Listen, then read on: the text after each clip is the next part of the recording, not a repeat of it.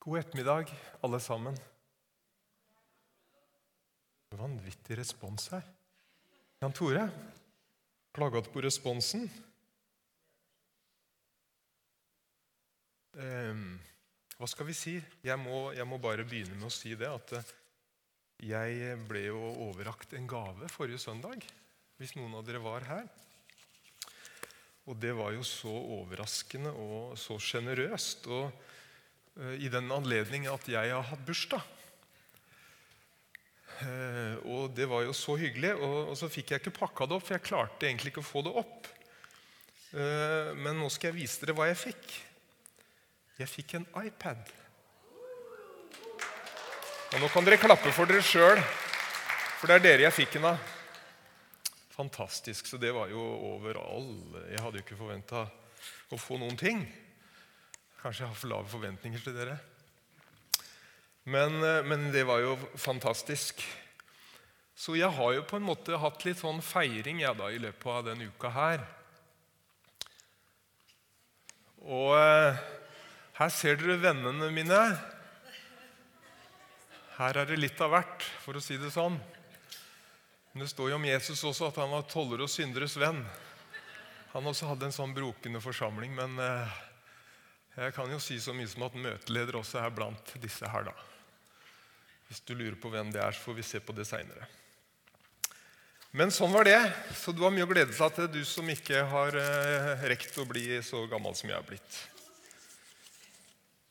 Inger hadde laga overraskelsesselskap for meg da. Det var jo sjenerøst. Ja, til verden. Ja, nok om det. Hvor lenge skal vi la det bildet stå, Jan Tore? Kanskje det holder? Ja. Vi går videre. Du, eh, Vi holder jo egentlig på med disse festsalmene, men eh, for en stund tilbake så ble vi enige om at vi skulle, vi skulle snakke om dåp en søndag. Fordi det er ikke så veldig ofte vi gjør det. Og så, og så er det en stund siden vi har hatt dåp. Vi har jo et flott dåpsbasseng på sida her. Og vi syns alltid det er en fest når folk eh, bestemmer seg for å la seg døpe. Det med dåp er en, eh, en, viktig ting og en, eh, en, en, stor ting. Og Jeg har lyst til å si litt om dåp i dag. Og Det kan hende at de fleste av dere er døpt. Det tror jeg de fleste er. Så da, da må ikke du bare tenke sånn at nei, det her var bomtur å komme hit i dag, for jeg er jo døpt. Eh, jeg tror at det kan være fint å minne hverandre på hva som ligger i dåpen. Og så har jeg lyst til også, hvis du ikke er døpt, å utfordre deg på å kanskje ta det skrittet. Som for mange er et litt sånn stort skritt. Litt vanskelig, for det, det, foregår jo normalt sett i en gudstjeneste. Det er mange som ser på, og det er mange som tenker at dette, for, uh, dette krever for mye av meg og så utsetter man det. Men jeg har lyst til å motivere deg på det med dåp. Så eh, vi skal begynne med å lese med, eh, i Apostelens gjerninger 22. Og Det er fra vers 12 til vers 16. Der står det sånn Der var det en gudfryktig og lovtro mann, Ananias, som alle jødene på stedet hadde bare godt å si om. Han kom og stilte seg foran meg. Det er Paulus som sier det her, da. Og sa, 'Saul, bror, bli seende.' I samme stund kunne jeg se ham. Han sa til meg, 'Våre fedres Gud har bestemt deg til å kjenne Hans vilje, til å se den rettferdige og til å høre Hans egen røst.' For du, sier Ananias til Paulus, du skal være hans vitne for alle mennesker om det du har sett og hørt, og så sier han eh, noe som jeg har lyst til å bite litt merke i dag. Så hvorfor nøler du? Eller som det står i en annen oversettelse Hva venter du på? Kom og la deg døpe og få syndene vasket bort mens du påkaller hans navn. Og det her er jo tatt ut av en sånn eh, en setting, da, for deg som ikke har lest eh, det som kommer før og etter det her så er det jo Paulus, da, denne store apostelen, som forteller om sin omvendelsesopplevelse. hva som skjedde med han som hadde kjempa mot de kristne, innbitt. Og så, plutselig en dag, så opplever han å møte Jesus. Ikke bare sånn at noen fortalte noe om Jesus, men han opplevde å virkelig se Jesus i et syn. Og dette var kraftfullt. Så kraftfullt at han mista synet. Han ble slått til bakken. Også i den situasjonen der så sier Gud til en mann som heter Ananias nå skal du gå dit og dit, og så skal du treffe en mann som heter Paulus. Og så kommer det som vi leste akkurat nå.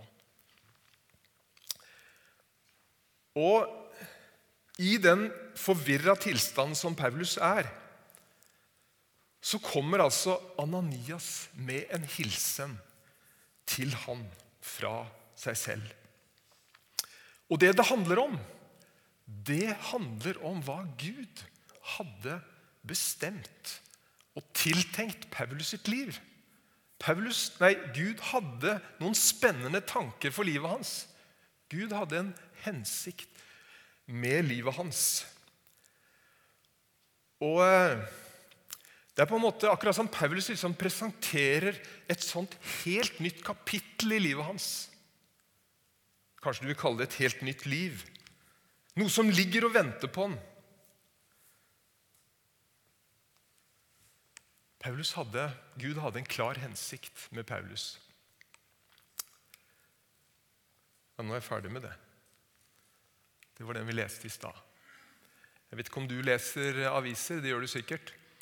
Jeg så eh, I Dagen så kom det her på lørdag, så sto det en undersøkelse blant eh, 1800 filosofer i USA, Europa, Canada og Australia, tror jeg det var, som hadde blitt intervjua. Det var jo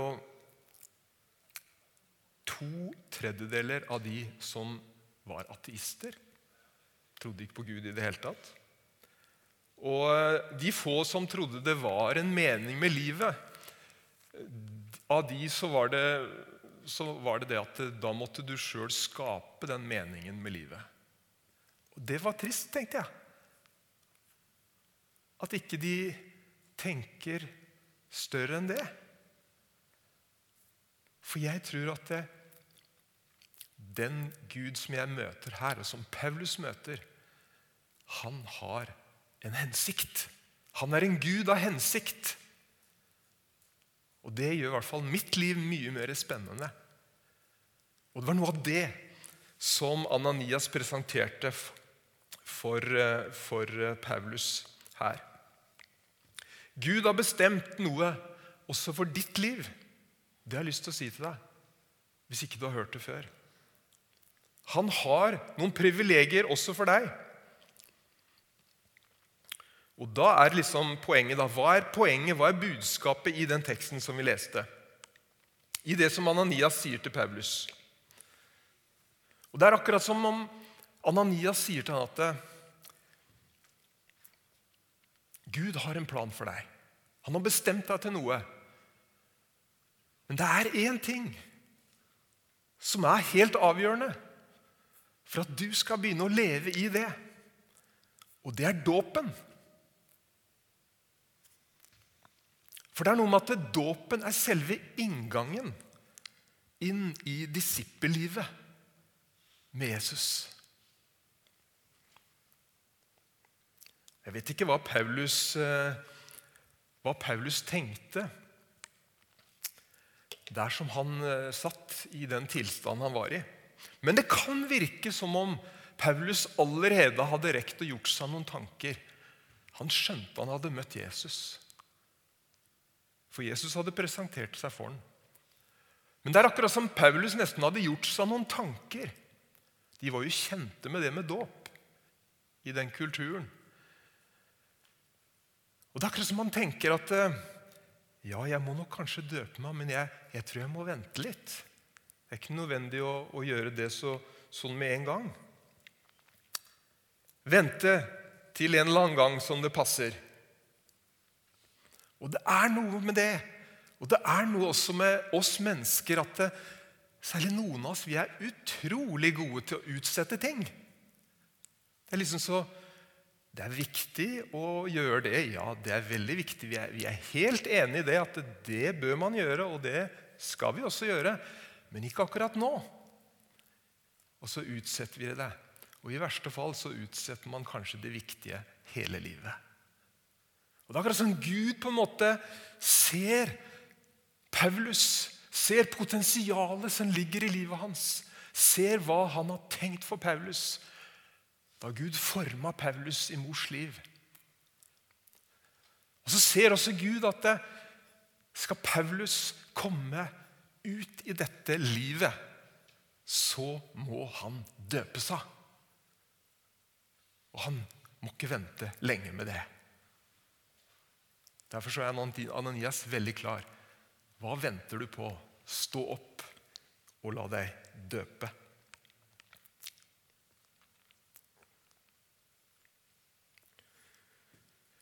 Hvorfor er dåpen så viktig, da?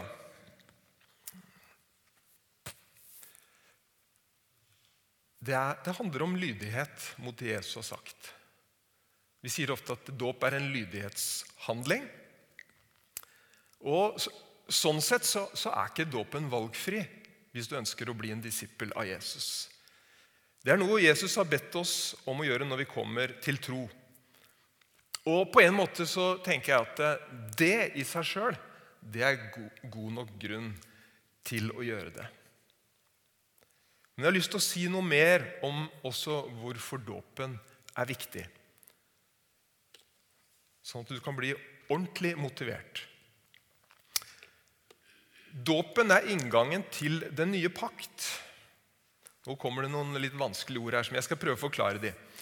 Eh, når jeg leste og forberedte meg på det her, så leste jeg i studiebibelen min, og så sier den at den nytestamentlige dåpslære er nært knyttet til den paktstanken som hele Det gamle testamentet er, er gjennomvevd av. Hvis vi leser Bibelen, Det gamle testamentet, så ser vi at gang på gang så inngår Gud pakter med, med sitt folk. Jeg skal si litt mer om hva en pakt er. Men i hvert fall så ser vi i Bibelen hvordan Gud handler, og han forplikter seg overfor menneskene gjennom å inngå pakt med folk. Med først og fremst jødefolket. da. Nå skal jeg si litt om hva pakt er. Det er et ord som ikke vi bruker så mye i, i i vårt samfunn. Ekteskapspakt er kanskje noen som har hørt om. Det er nesten det nærmeste vi kommer. Men det handler om en avtale. En veldig forpliktende avtale. Og det er et ord som brukes veldig mye i Bibelen. Det handler om når Gud forplikter seg overfor mennesker, så gjør han det gjennom pakter eller å inngå avtaler. Det som er viktig med pakter, det er, det er fordi at det, Gud kan ikke bryte en pakt. Og Sånn sett så kan du si at det, det finnes en historie gjennom hele Bibelen som vitner om Guds trofasthet mot det han allerede har lovet. Er ikke det flott? Det er i sum hva som vi kan lese om pakt. Og på den måten, fordi Gud forplikter seg gjennom pakter, så kan vi vite litt om hva Gud kommer til å gjøre, hvordan han kommer til å handle. Og at Gud ikke bare blir en sånn ubegripelig, uberegnelig, ukjent kraft. Men han knytter løfter til paktene og For å si litt mer om pakt da. En pakt den inneholder to parter, ikke sant? Og Det som er viktig, er jo at eh, begge partene holder sin del av avtalen. Selvfølgelig er det det. Men problemet da med å inngå pakter med Gud er at eh, Gud er fullkommen. Han gjør aldri feil. Han klarer alltid å holde sin del av pakten. Men Problemet vårt er at vi er litt skrøpeligere. Vi eh, klarer ikke alltid å holde avtalen. Ikke sant? Er det noen som kjenner til det? Jeg kjenner til det. Hallo, her er 60-åringen. Mye å se tilbake på. Og han har ikke klart det alltid. Nei, langt ifra. Det er problemet.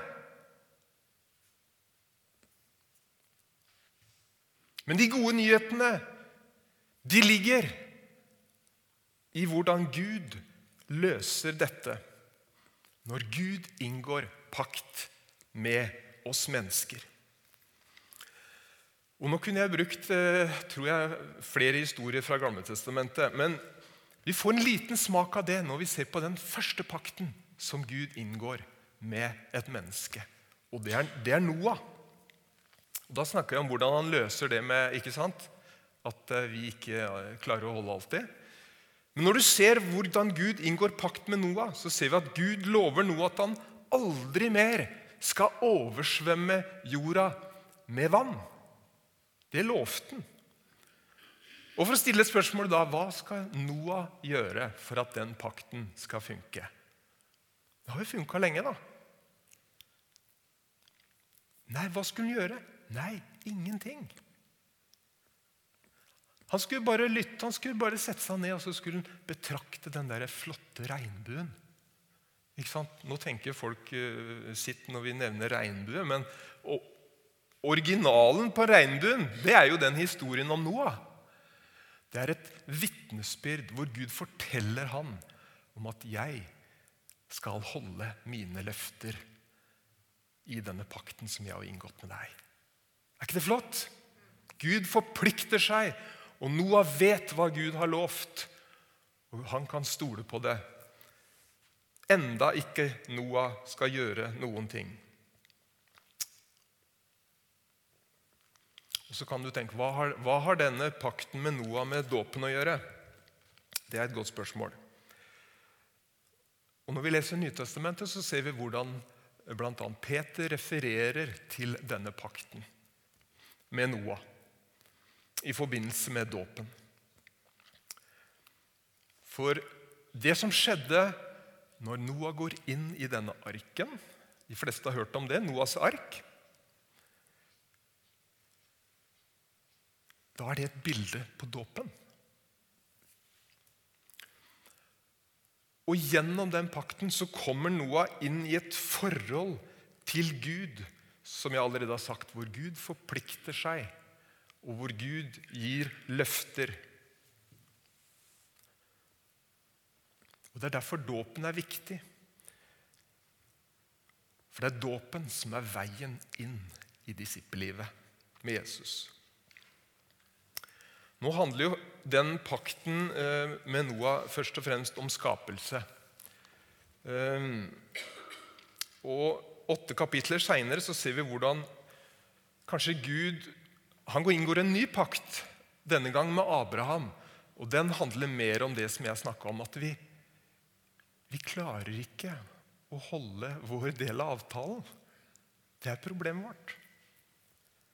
Og så ser vi hvordan Gud løser dette problemet. Og da er det Abraham som møter Gud. Skal vi se, Nå må jeg se hvor langt jeg har kommet. Der har vi den. Ser dere den? Skal vi se hva som skjer? Skal vi lese her? Da solen holdt på å gå ned, falt en dyp søvn over Abraham. Og se, redsel og stort mørke falt over ham. Solen gikk ned, og det ble mørkt. Og se, en rykende ovn kom til syne, og en flammende fakkel for mellom kjøttstykkene. Den dagen sluttet Herren en pakt med Abraham. Dette, dette, er det vanskelig? Det var litt vanskelig, det her. Men det som er hele poenget her, det her kjente Abraham til, for det var sånn de, det var sånn de oppretta avtaler på denne tida. Han skjønte at han skulle inngå en pakt med Gud.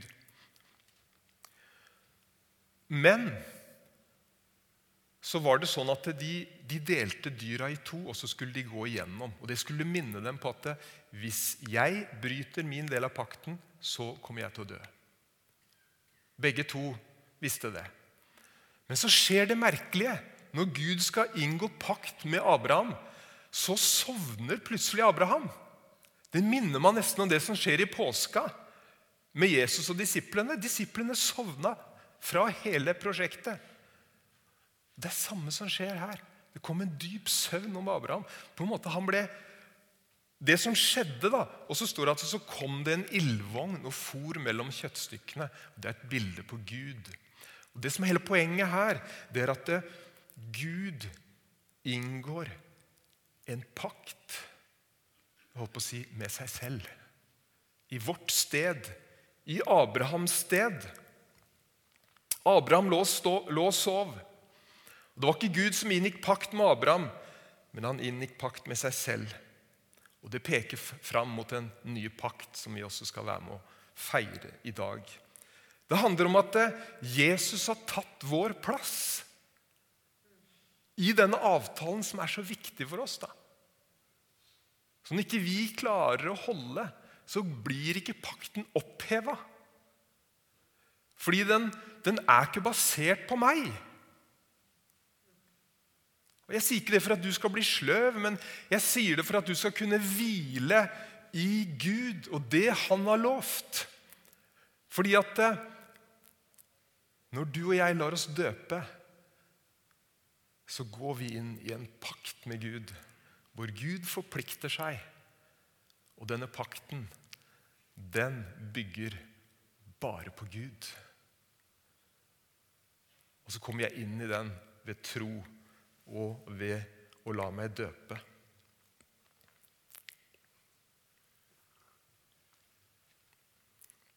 I dåpen så sier, sier, vi ja til hans ja.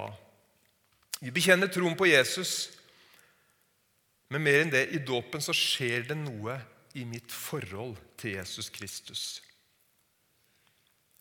Jeg blir ett med ham. Og for å sitere Bibelen Hans død blir min død. Hans grav blir min grav, og hans oppstandelse blir min oppstandelse. Det skjer noe i mitt forhold til Jesus når jeg lar meg døpe. Det er ikke bare en sånn handling som vi gjør for å vise sånn dramatisering. på en måte. Det er en sterk forkynnelse i dåpen også, men det er noe mer. altså. Når Noah går inn i arken. Og arken er et bilde på Jesus Kristus. Når Noah går inn i arken, så går han på en måte inn i Kristus. Og når Paulus lar seg døpe i det kapitlet som vi begynte å lese, så går på en måte Paulus også inn i arken, skjønner du, inn i Kristus. Og Hvis du har lest Bibelen litt, så har du sett at det, det uttrykket 'i Kristus', 'i ham', det er sånn yndlingsuttrykk for Paulus. Vet du hva, Jeg tror dåpen var kjempeviktig for han. Jeg tror på en måte han skjønte noe av det som er så viktig i den kristne tro. At vi får lov til å bli i ham. Dåpen var viktig for Paulus. Fra Guds side regnes vi nå som et menneske som har oppfylt alle forpliktelsene i denne avtalen pakten. Og Fordi det er så solid, så skal jeg ta et punkt hvor jeg vil si at uh, din dåp, den holder. Deilig med, med, ting som holder, er det ikke det? Verste jeg vet, er sånn bråta som bare går i stykk med en gang. Jeg er så lei av det. Det er så mye billig dritt å få kjøpt, for å si det sånn. Vi må ha noe som holder.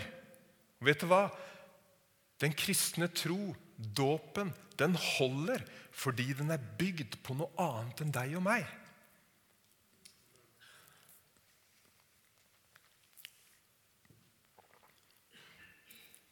Når vi døper når vi, når, vi, når, vi døper, når vi, døper, folk her, så døper vi folk i den treenige Guds navn. Har du fått med deg det? Jeg døper deg i Faderen, Sønnen og Den hellige ånds navn. Og Det er som om hele treenigheten setter sitt stempel på deg i det du døpes. Det sier noe om at hele himmelen har fokus på det som skjer i dåpen. Det skjer ikke bare i en krok her, men hele himmelen har sitt fokus på det som skjer. Og det sier noe av det som jeg allerede har sagt, at himmelen forplikter seg på din dåp, på ditt liv, på din framtid. Og Nå kunne du gjerne sagt et amen. Har du glemt det? Og For å illustrere det så skal jeg bare ta en, en, kjapp tur til en historie om den etiopiske hoffmannen. Jeg tror ikke jeg skal lese hele, hele, det her nå, for tida går fort. Men det er i hvert fall en finansminister fra, fra Etiopia som har vært i eh, Jerusalem. Som var, eh, han var fascinert av den jødiske tro.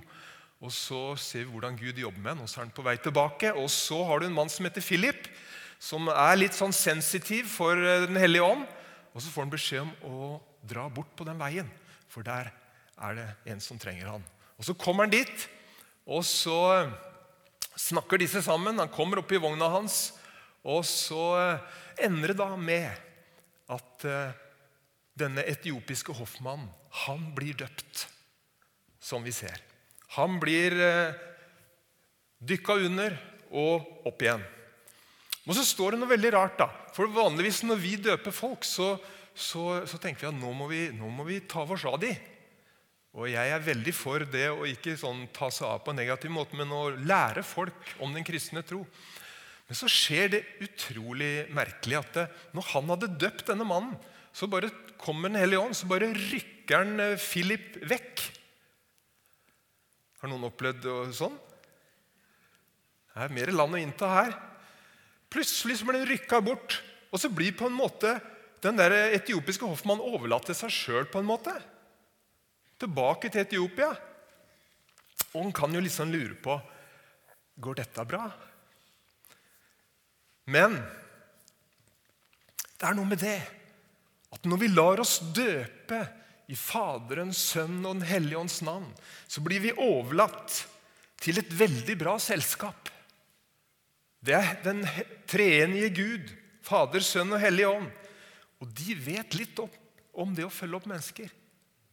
Vet du hva De har sagt at de skal følge deg helt til du er i himmelen. Fordi de har forplikta seg på ditt liv. Nå sier ikke jeg at det ikke er poeng å følge opp mennesker, men vi må ikke glemme også at Gud har tatt et spesielt ansvar for ditt liv hvis du vil. Og eh, bare en sånn morsom avslutning på det punktet her. De sier det at det har blitt meg fortalt at den etiopiske kirken, som regnes, regnes som en av de eldste kirkene i verden i dag, og Etiopia var verdens første kristne nasjon.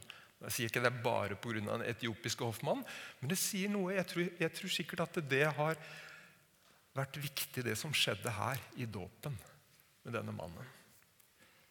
Får du lyst til å døpe deg? Jeg håper det, altså. Kanskje du er døpt. Vi døper oss bare én gang, da. Skal vi se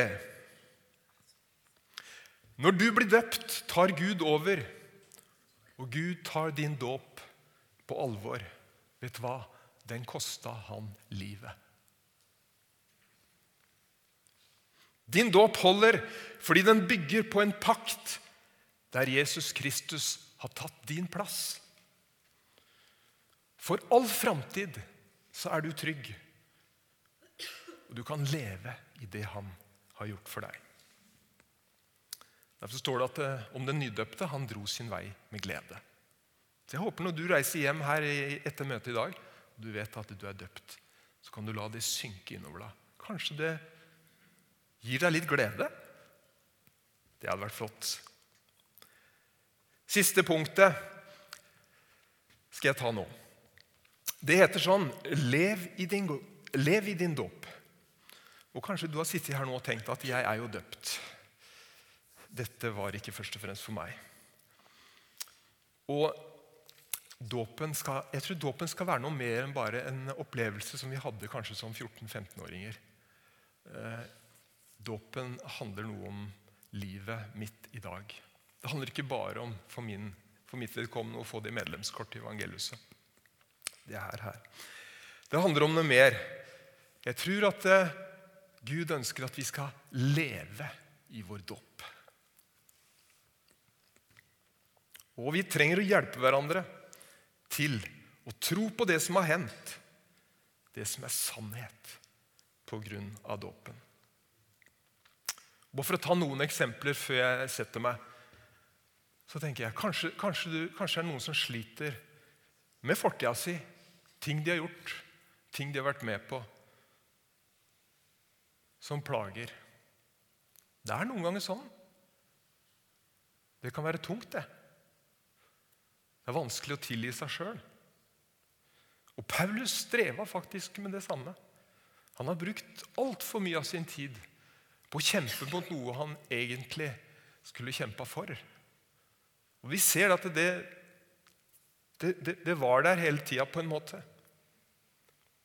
Men da tror jeg at det, det var viktig for Paulus det er viktig for deg å minne deg på å leve i din dåp. Fordi det er noe med at i dåpen så begraver vi noe.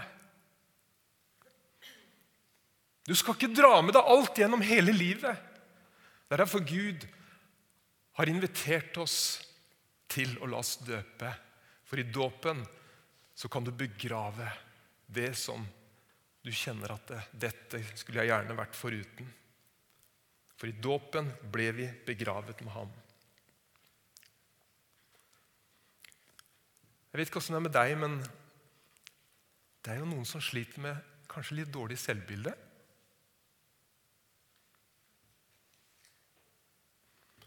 Vet du hva? Da tror jeg vi trenger å tenke på dette. Hvordan kan jeg leve i min dåp?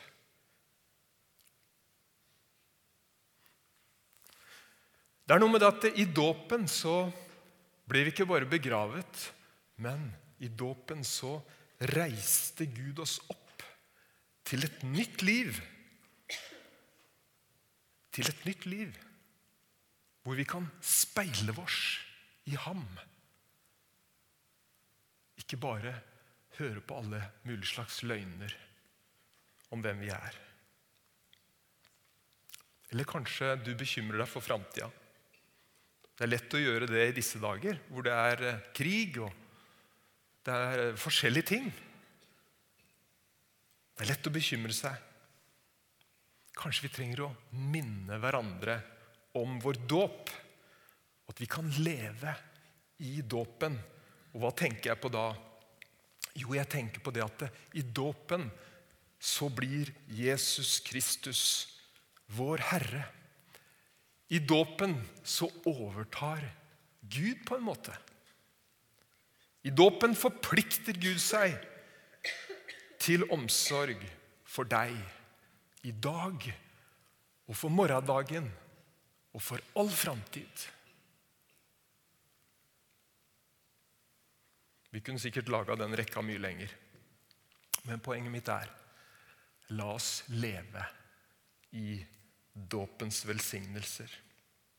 Og når vi legger oss i kveld så kan vi legge oss i fred uten bekymring. Fordi vi er Guds eiendom. Vi tilhører Ham. Og når vi våkner i morgen, så kan vi si til oss sjøl jeg er oppreist med Kristus. Det jeg møter i dag, trenger jeg ikke å møte bare i min egen kraft og styrke. Jeg kan møte det med Den hellige ånds hjelp og kraft. Dåpen er ikke for Gud, den er for deg. Den fordyper og forankrer vår tro. Og så hjelper den oss å møte det som skjer. Hør nå med det som allerede har skjedd.